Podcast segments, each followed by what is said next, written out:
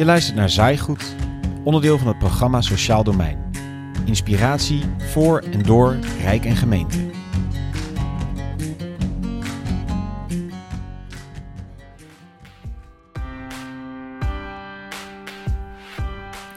Het verdrag in zaken de rechten van het kind is er helder over. Elk kind heeft recht op onderwijs en dat onderwijs dient zich te richten op de zo volledig mogelijke ontplooiing van de persoonlijkheid, talenten en geestelijke en lichamelijke vermogens van het kind. Nederland is een van de hoogst opgeleide landen ter wereld, maar toch heeft niet elk kind dezelfde mogelijkheden om zich volledig te ontplooien. Ik zie dat talenten wel goed verspreid zijn over mijn stad, maar de kansen en de mogelijkheden om ze te ontwikkelen niet. Waarin bestaat de kansenongelijkheid in Nederland en hoe kunnen we die bestrijden? Welke rol spelen scholen hierin en welke rol is weggelegd voor gemeenten? Je hoort onderwijssocioloog Idias El Hadioui. En we horen verhalen uit de praktijk van rector van het Lyceum Rotterdam, Jolande de Beer, en onderwijswethouder in Den Bosch, Oefu Kachja. En dat allemaal rond het thema kansenongelijkheid in het onderwijs.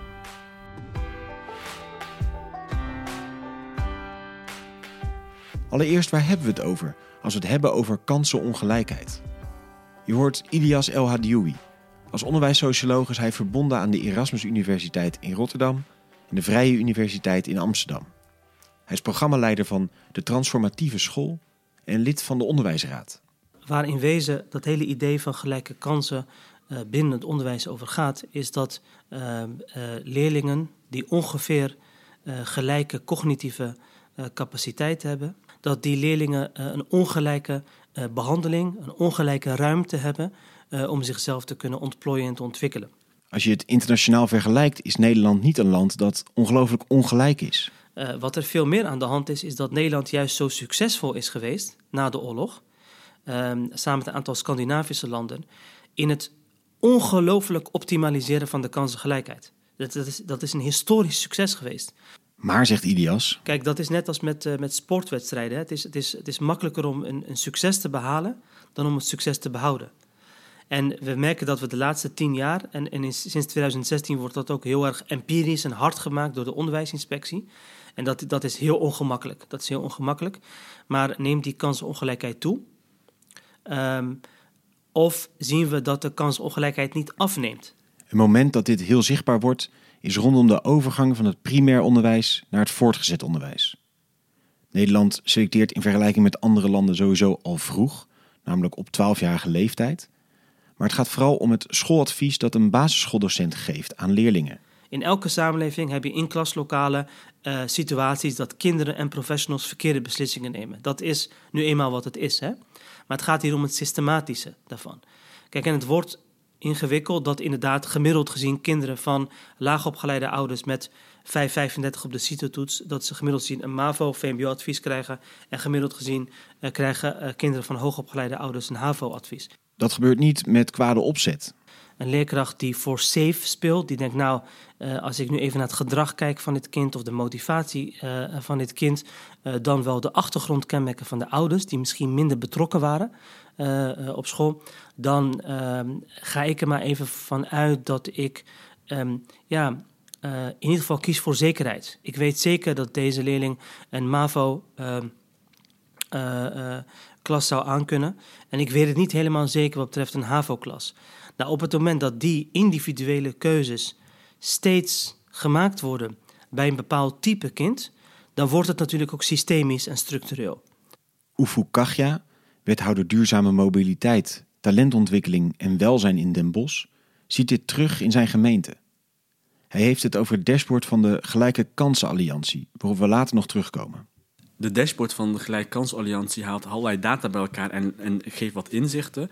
Een van de inzichten die je ziet is de CITO-scores, de schooladviezen en de uh, herziening van schooladviezen. En je ziet dus dat kinderen met ouders die hoger opgeleid zijn, uh, waarbij de ouders mondiger zijn, um, uh, en zo'n school ook benaderen, dat die schooladviezen worden herzien. En kinderen die net zo hoge CITO-toetsscores halen, lager worden ingeschaald, um, waarvan de ouders minder mondig zijn en niet hoog opgeleid zijn, dat de adviezen niet worden uh, herzien en dan krijg je stapelaars. Ik kom uit een generatie die allemaal op MAVO zijn ingeschaald en uh, universitair zijn geschoold. Ik heb, ik heb gestapeld en, en vele van mijn generatie. Dat wil ik voorkomen, dat zijn zonden van die jaren. Daarbij is etniciteit een bepalende factor, maar ook bijvoorbeeld het opleidingsniveau van de ouders en de sociaal-economische status van het gezin waar het kind uitkomt. Maar dit hele vraagstuk beperkt zich niet tot alleen maar die overgang van PO naar VO. Het gaat ook over uh, het voortgezet onderwijs, de onderbouw naar de bovenbouw. Het gaat natuurlijk ook over de overgang naar het middelbaar beroepsonderwijs of het hoger onderwijs of het academisch onderwijs. Um, op ieder moment uh, in dat uh, systeem vindt die belangrijke keuze plaats. Tegelijkertijd is in ons soort samenlevingen, een meritocratische samenlevingen, waarin de waarde van jouw maatschappelijke positie en jouw maatschappelijke status, of we dat nou leuk vinden of niet, heel erg gekoppeld is ook aan jouw opleidingsniveau. Dan betekent dat ook dat dit vraagstuk een dieper liggend probleem heeft. Want niet alleen gaat het dan om de individuele kans die je hebt als individueel kind op een specifiek moment ergens in het onderwijs trekt. Dat zou je dan nog in zekere zin kunnen fixen. Maar we hebben de afgelopen jaren ook heel veel jongeren uh, en inmiddels uh, succesvolle professionals um, aan het woord gezien die ja, kenbaar maken van hé, hey, uh, in het verleden is daar die keuze bij mij gemaakt. En dat heeft heel veel sociale pijn ook veroorzaakt. En de, de vraag is hè, voor elke samenleving hoeveel sociale pijn een bevolking of een groep in de samenleving kan dragen in de long run. om niet over te gaan tot het verliezen van het geloof in dat systeem. En dat geeft wel aan dat het probleem groter is dan alleen het onderwijs. We kunnen moeilijk zeggen dat um, ja, advisering door leerkrachten gedaan of door docenten gedaan geen probleem zou zijn van het onderwijs. He, dit heeft te maken met de mindset van professionals. Uh, maar het heeft ook te maken met de betrokkenheid van ouders op dat vlak. Het heeft ook te maken met de motivatie van, van kinderen. Het heeft ook te maken met geloof in eigen kunnen van, uh, van kinderen, uh, enzovoorts, enzovoorts. En dat heeft de coronacrisis nu misschien wel extra blootgelegd. Want op school valt het misschien iets minder op. Maar of je A, thuis een laptop hebt of niet, of die moet delen met iemand of niet om uh, online uh, onderwijs te kunnen volgen, legt al iets bloot. Of je dat in stilte en rust op je eigen kamer moet doen, of dat je dat doet in een kamer die je deelt met twee andere uh, broers of zusjes, legt wat bloot. Of je ouders of een broer of zus hebt die je kan helpen met je huiswerk en het uitleggen van opdracht of niet, legt dat bloot. Uh, dus het investeren in die gelijke kansen gaat niet over extra huiswerkbegeleiding of nog meer inzet op cognitie. Dat gaat over het versterken van het geloof in dat je dingen kunt. En dat kunnen jongeren als je ze de mogelijkheid geeft. Het geloof in eigen kunnen, uh, wat door onderwijspsychologen uh, verreweg als de belangrijkste factor voor studiesucces wordt gehanteerd. De zogenaamde self-efficacy. Uh, het geloof in eigen kunnen. Het geloof dat jij in controle bent over jouw eigen leerproces. Het geloof dat jij um, niet alleen eigenaar bent van het proces, maar dat je ook um, uh, effect kan hebben op jouw eigen leven. Hè? En het tegenovergestelde daarvan is fatalisme. Kansenongelijkheid in het onderwijs is een veelkoppig monster.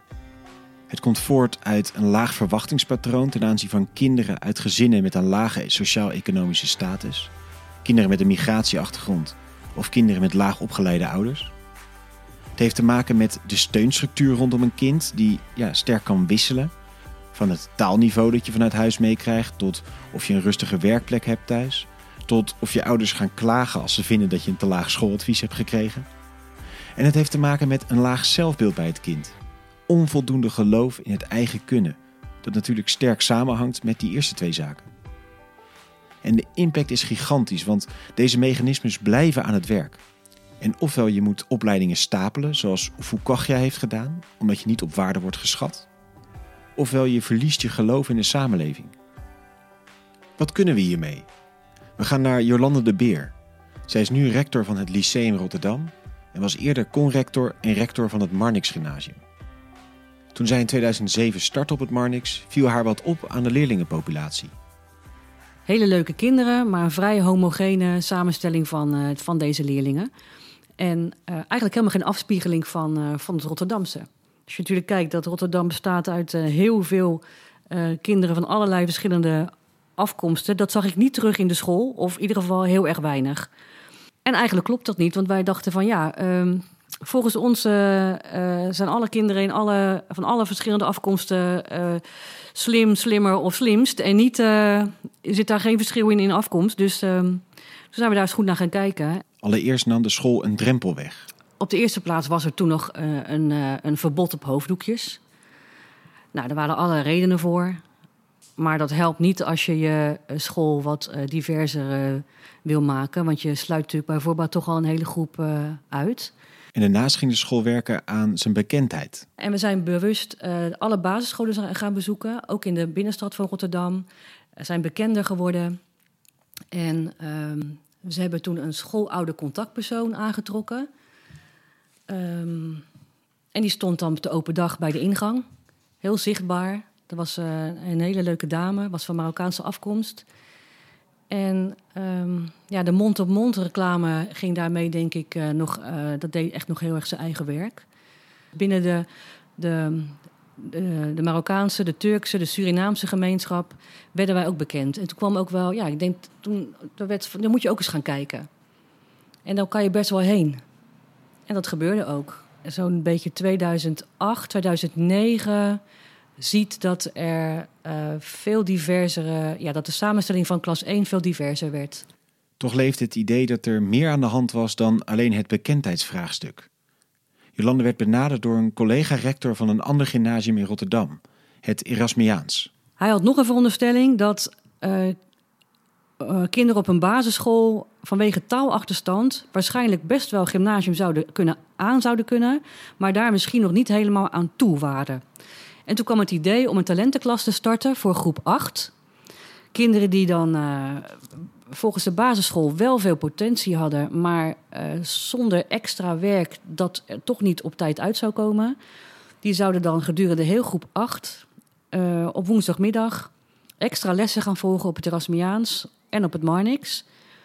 En mogelijk zou dan kunnen dat ze na dat jaar dus een hoger advies zouden krijgen. Dus dat ze dan wel dat VWO-advies zouden krijgen, wat ze in groep 7 nog niet hadden gekregen. Dat zijn we toen gestart. Ehm, en dat was eigenlijk heel erg succesvol. En dat was denk ik, wij dachten in het begin, die kinderen kregen dan vooral extra taalles. Omdat ze hadden vooral een taalachterstand. Woordenschat, begrijpend lezen. Eh, we deden veel debatteren met ze. eh, vragen stellen in de klas. Juist kritisch zijn. Want alle dingen die je op een gymnasium juist moet doen. Hè, dus, dus dingen niet zomaar aannemen. Zo'n docent dat tegen je zegt. Zelf denken, eh, vragen durven stellen. Dat zijn eigenlijk codes die deze kinderen van huis uit niet altijd meekrijgen. Het is juist vaak meer van doen wat je gezegd wordt.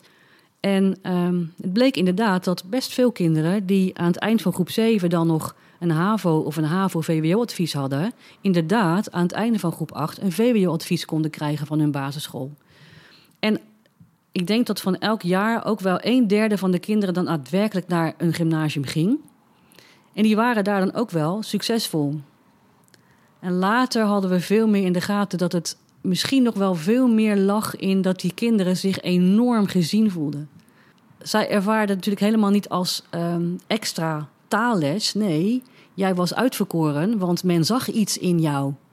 Dus dat gaf natuurlijk zo'n trots en zo'n motivatie dat het denk ik heel erg stimulerend is geweest. Het wordt momenteel ook onderzocht door de Erasmus Universiteit, het effect van de talentenschool. En het, het, lijkt erop dat het inderdaad ook wetenschappelijk vast te stellen is dat het effectief is. Dus dat is echt wel heel erg, uh, heel erg mooi. De talentklassen in Rotterdam worden gefinancierd door de gemeente Rotterdam. En inmiddels is het concept verder uitgebreid, ook naar andere schoolniveaus. Het Marnix wist op deze manieren dus de instroom van leerlingen meer een afspiegeling te laten zijn van de samenstelling van de stad. Maar vervolgens bleek het een grote uitdaging om deze leerlingen ook vast te houden. Uitstroom in klas 1 en 2 is niet heel verwonderlijk. Het kan ook gewoon zijn dat het toch iemands niveau niet is. Maar er was opvallend veel uitstroom van leerlingen met een multiculturele achtergrond in de klassen 3 en 4. En uh, er was ook het gevoel bij deze kinderen, bij docenten, van ja, het, ze kunnen het wel. Alleen, ja, op de een of andere reden uh, lukt het niet. Die resultaten gaan achteruit en het gevoel was veel meer dat het zat in, in, um, in motivatie, in niet meer zich ervoor willen inzetten. ehm, het gevoel ook van, ja, de, ze, op de een of andere manier voelden die kinderen zich dan uiteindelijk toch er blijkbaar niet helemaal bij horen. En dus werd Ilias El Hadioui gevraagd om langs te komen. Zeker als er eh, mensen van buitenaf iets komen vertellen, dan eh, hebben de docenten heel gauw van, nou, ik ben benieuwd. En dit was echt van, zo, dit gebeurt bij mij, dit gebeurt in mijn klas. En dan ging het om, ehm, ja, om groepsdynamiek. Maar groepsdynamiek die anders is. Kijk, het waren, het waren docenten die al heel lang voor de klas stonden, die echt wel orde konden houden, maar toch het gevoel hadden dat die klassen die waren diverser van samenstelling geworden. Er waren de verschillen tussen leerlingen waren groter en zij hadden het idee van sommige kinderen bereik ik niet. Ik kan met de meeste kinderen kan ik een lijntje leggen. En dat lijntje heb je eigenlijk nodig. Die relatie, dat kinderen ook eh, gemotiveerd zijn om te leren. En met sommige kinderen kan ik dat lijntje niet meer zo makkelijk leggen. Het is niet meer zo vanzelfsprekend. En dat heeft te maken met de verschillende ladders of verschillende codes. Je hebt de thuisladder, de schoolladder en de straatladder. En de kinderen die wij van ouds Herpet Mornings hadden, de, de, die ladders, de codes die je had, die, die, hoe je je moest gedragen en eh, nou, wat je moest doen, waar je waardering voor kreeg, dat kwam wel een beetje overeen. Met hoe je dat thuis deed en hoe je dat op school deed en hoe je dat met je vrienden deed. Maar voor de kinderen met een migrantenachtergrond was dat voor een deel eh, tegengesteld. Dus die komen op school en die wisten soms niet helemaal hoe je dan eigenlijk op die schoolladder kon klimmen. Wat had je daar nou, wa- wanneer kreeg je nou waardering? Met welk gedrag was daar nou eigenlijk de bedoeling? Of als ze zich eh, niet prettig voelden, schoten ze naar gedrag wat op straat wel punten verdiende. Toen de leraar het verhaal van Ilias hadden gehoord, vroegen ze gelijk: geef ons de instrumenten om dit in de vingers te krijgen. Wat moeten we doen om transformatief les te geven? En het punt is dat zodra je dit, en ik ben daar een, een felle tegenstander van, van te veel methodiseren. Hè? Dus dat de, de vijf stappen naar, de vier stappen naar. Kijk, eh, transformatief lesgeven is niet macaroni maken of zo. Het gaat om het ontwikkelen van spelgevoel. Dat spelgevoel gaat eigenlijk erover dat je als docent weet. Ehm, en dat is een, beetje een populistische leus, zeg maar, die in het onderwijsveld, maar weet wat je moet doen als je niet weet wat je moet doen. Het wordt dan vaak zeg maar, naar voren geschoven op die manier. Nou, en onder, onder die leus zit eigenlijk de vraag rondom worteling. Hè? Eh, het fundament van een docent. Voel jij je zelfverzekerd genoeg, salang genoeg? Het gaat ook dus ook over het geloof in eigen kunnen van de docent. Ehm, om aan te voelen welke opmerkingen je in de klas even laat gaan en welke opmerkingen juist zou moeten oppakken om deze inhoudelijk, onderwijskundig, didactisch verder te ontwikkelen. Ehm, welke kantelmomenten, tipping points, hè, dus heb jij gevoel voor de sfeer in de klas? Kun je die sfeer behouden? Kun je deze neutraliseren indien mogelijk en indien nodig? En kun je deze juist warmer maken en meer aanwakkeren op het moment dat je de, de meute in beweging wilt krijgen omdat het wat meer te, te veel stilgevallen is? Eh, ben je in staat om stille leerlingen een stem te geven? Ben je in staat om aan te voelen wanneer een leerling het niet snapt, wanneer die geen vraag stelt? Ben je in staat om ehm, leerlingen te zien eh, wanneer ze zichzelf niet zien? En om dat spelgevoel in de vingers te krijgen, zijn de docenten van het Marnix vooral met elkaar aan de slag gegaan. Er zijn lessen bezocht, dus coaches zijn in de lessen gekomen. Die hebben lessituaties nabesproken met de docenten. Docenten zijn bij elkaar gaan kijken in de lessen. Eh, er zijn films, eh, lessituaties gefilmd van docenten en met z'n allen nabesproken. En dan ging het dus steeds over nou, de spannende momenten in een les. Van op het moment dat je ziet dat er iets zou kunnen gebeuren, hoe ga je dan als docent daarmee om? En er veranderde iets heel fundamenteels aan de mindset. als in de kleedkamer van zo'n schoolcultuur het ehm, eh, gemeenschappelijke eh, idee gaat ontstaan van ja, we weten niet zo goed of deze leerlingen wel überhaupt studiesucces su- succes kunnen realiseren. Eh, We weten niet of het goed komt met hen. We weten niet of wij de juiste tools hebben om dat voor elkaar te krijgen. Enzovoorts, enzovoort. Kijk, binnen zo'n cultuur is de kans groter dat de eh, verwachtingen van, van leerlingen, vooral de leerlingen met een laag sociaal-economische status, ehm, niet optimaal zijn. Dat heeft direct effect op hun studiesucces. Want we weten ook, hè, je hebt onderwijs socioloog noemt dat het Pygmalion-effect of uh, self-fulfilling prophecy. Hè. Als professionals met elkaar geloven dat een leerling toch niet zo'n studiesucces zal realiseren, vanwege een bepaald gedrag of wat dan ook, achtergrond.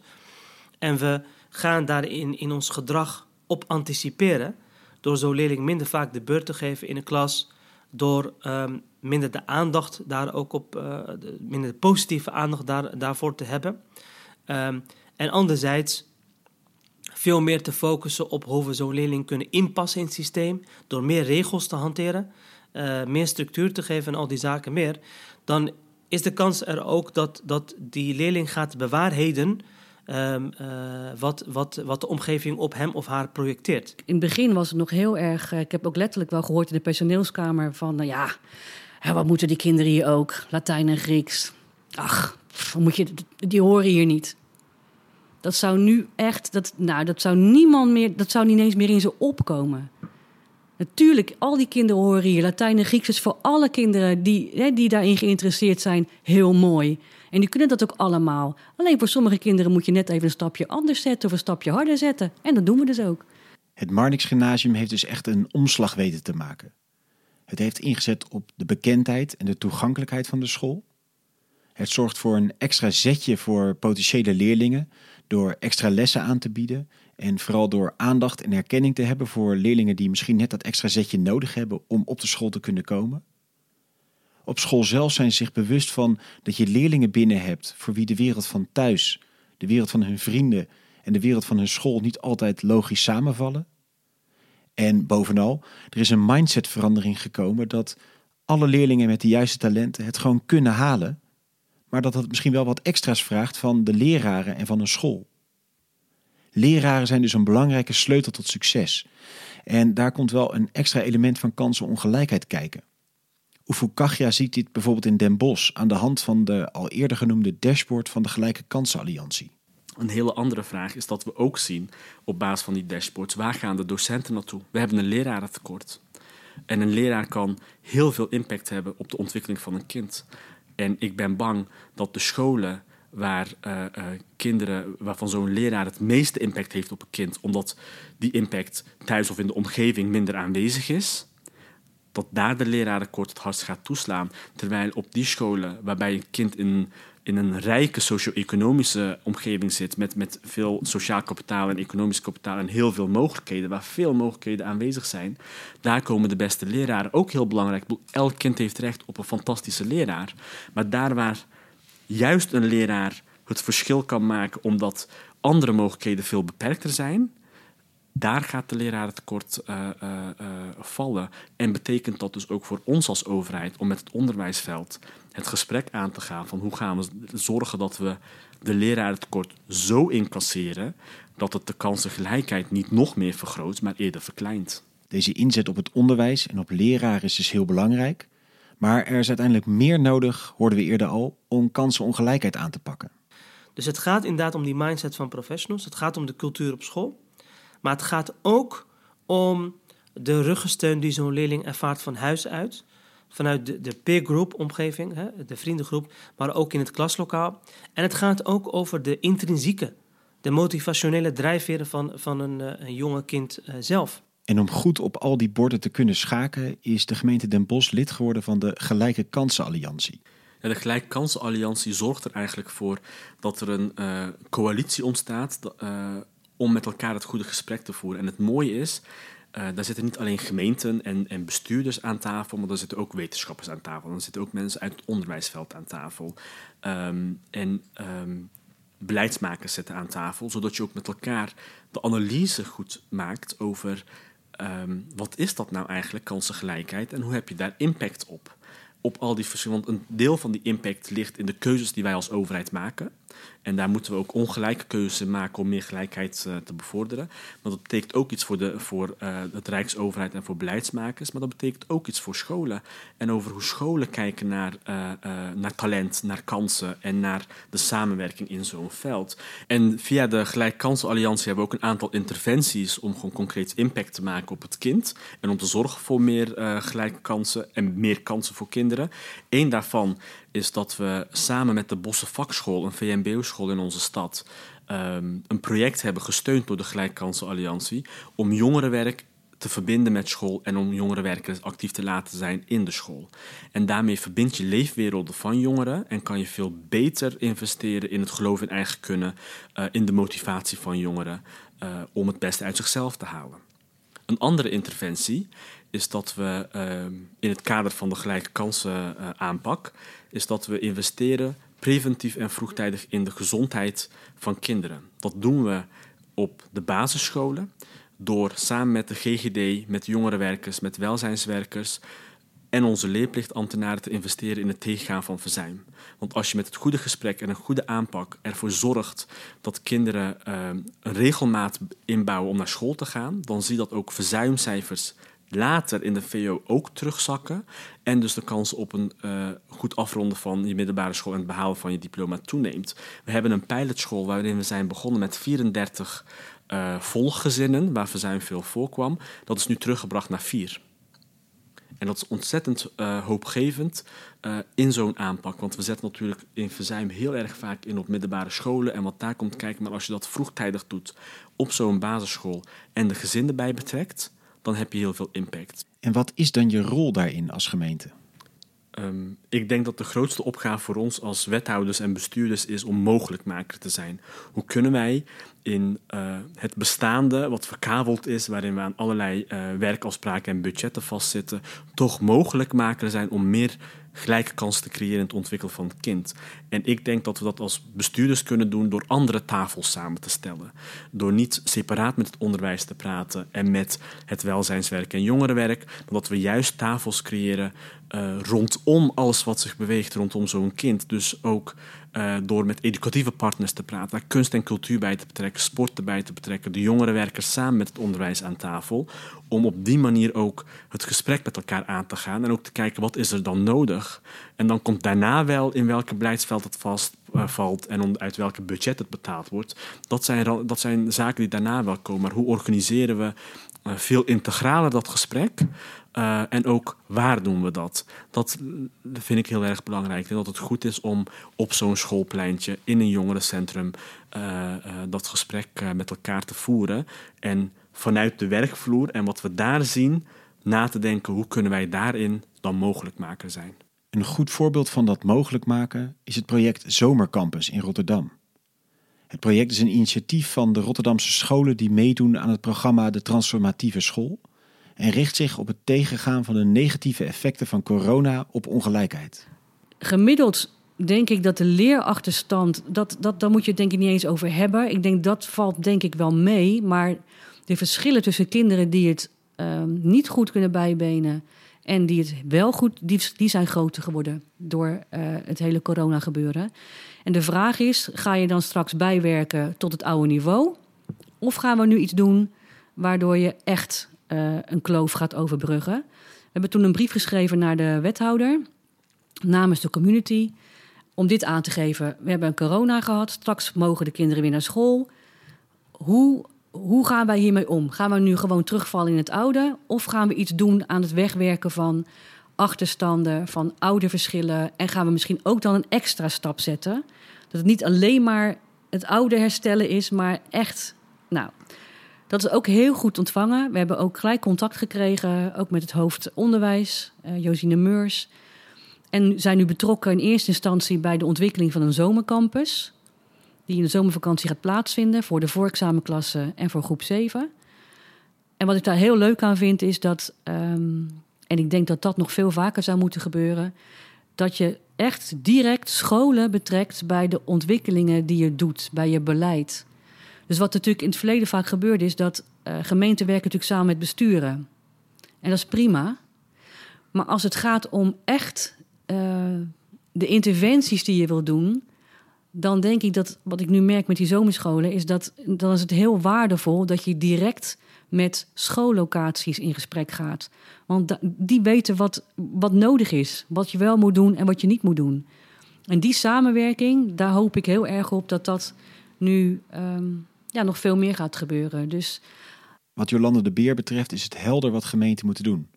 Ze moeten middelen beschikbaar stellen, rechtstreeks schakelen met scholen Ehm, en betrek ook vooral de wetenschap erbij. Dus eh, doe geen dingen die leuk lijken, maar die niet onderbouwd zijn. We hebben een hele mooie vakgroep uh, onderwijskunde aan de Erasmus Universiteit en pedagogiek. En die hebben heel veel interventies al onderzocht, wat wel en wat niet werkt. En ik denk dat het heel verstandig is om bij dingen die je bedenkt ook de wetenschap te betrekken. Uh, onderwijswetenschap moet de, de hand schudden van de onderwijspraktijk. Het moet een samenwerking zijn. Dus de onderwijspraktijk moet onderwijswetenschappers op tijd dwingen om concreet te worden. De onderwijswetenschappers moeten de onderwijspraktijk op tijd dwingen om even uh, het vanuit een meta-perspectief te bekijken. Ik vind het onrechtvaardig als een kind en een jongere met potentie en met mogelijkheden uh, zich niet gewaardeerd voelt, daar niet in gelooft. Ze kunnen zoveel bieden voor zichzelf en voor de samenleving. En we hebben met elkaar ook, denk ik, uh, de plicht om dat mogelijk te maken. En als je dan ziet dat als jongeren de kans krijgen en die mogelijkheden krijgen, hoe ze dan als een speer gaan, uh, dan moeten we daarop inzetten.